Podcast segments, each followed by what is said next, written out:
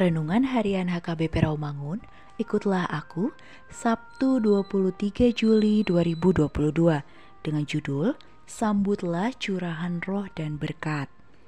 Bacaan kita pada pagi ini tertulis dalam Matius 3 ayat 13 sampai 17.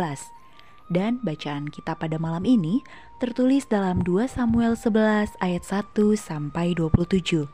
Dan kebenaran firman yang menjadi ayat renungan kita hari ini ialah Yesaya 44 ayat 3 yang berbunyi, Sebab aku akan mencurahkan air ke atas tanah yang haus dan hujan lebat ke atas tempat yang kering.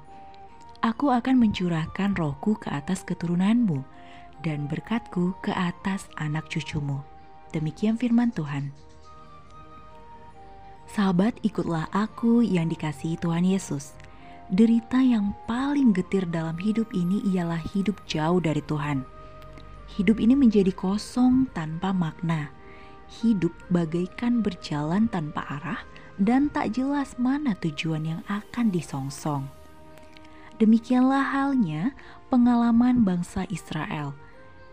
Di saat mereka berpaling dari Tuhan dan saat mereka memberontak kepadanya, mereka terbuang ke perbudakan Babel dan mereka pun hidup di sana sebagai orang buangan. Sungguh getir hidup sedemikian. Namun, dalam kasihnya yang tak terduga, Allah setia mengasihi mereka. Dosa dan pemberontakannya tidak dijadikan Tuhan sebagai alat ukur untuk memperlakukan mereka. Kasih yang tak terukur dan tak terhingga itulah alat ukur bagi Tuhan untuk mengasihi mereka. Tuhan tidak membiarkan mereka mati kehausan dan kekeringan. Bahkan Tuhan mencurahkan air ke tanah yang haus dan hujan lebat ke tempat yang kering.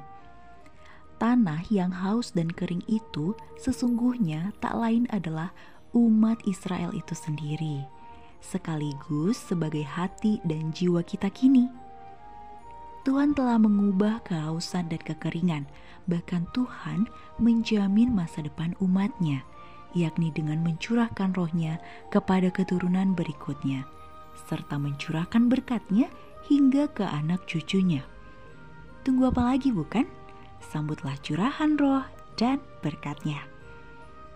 Yang haus dipuaskan, yang kering dialiri dengan air hidup, bahkan keturunan dan anak cucu kita pun akan beroleh curahan roh dan berkatnya. Kuncinya satu, berbaliklah kepada Tuhan dan hiduplah dalam kasih setianya. Amin. Mari kita berdoa. Ya Tuhan, curahkanlah rohmu dan berkatmu.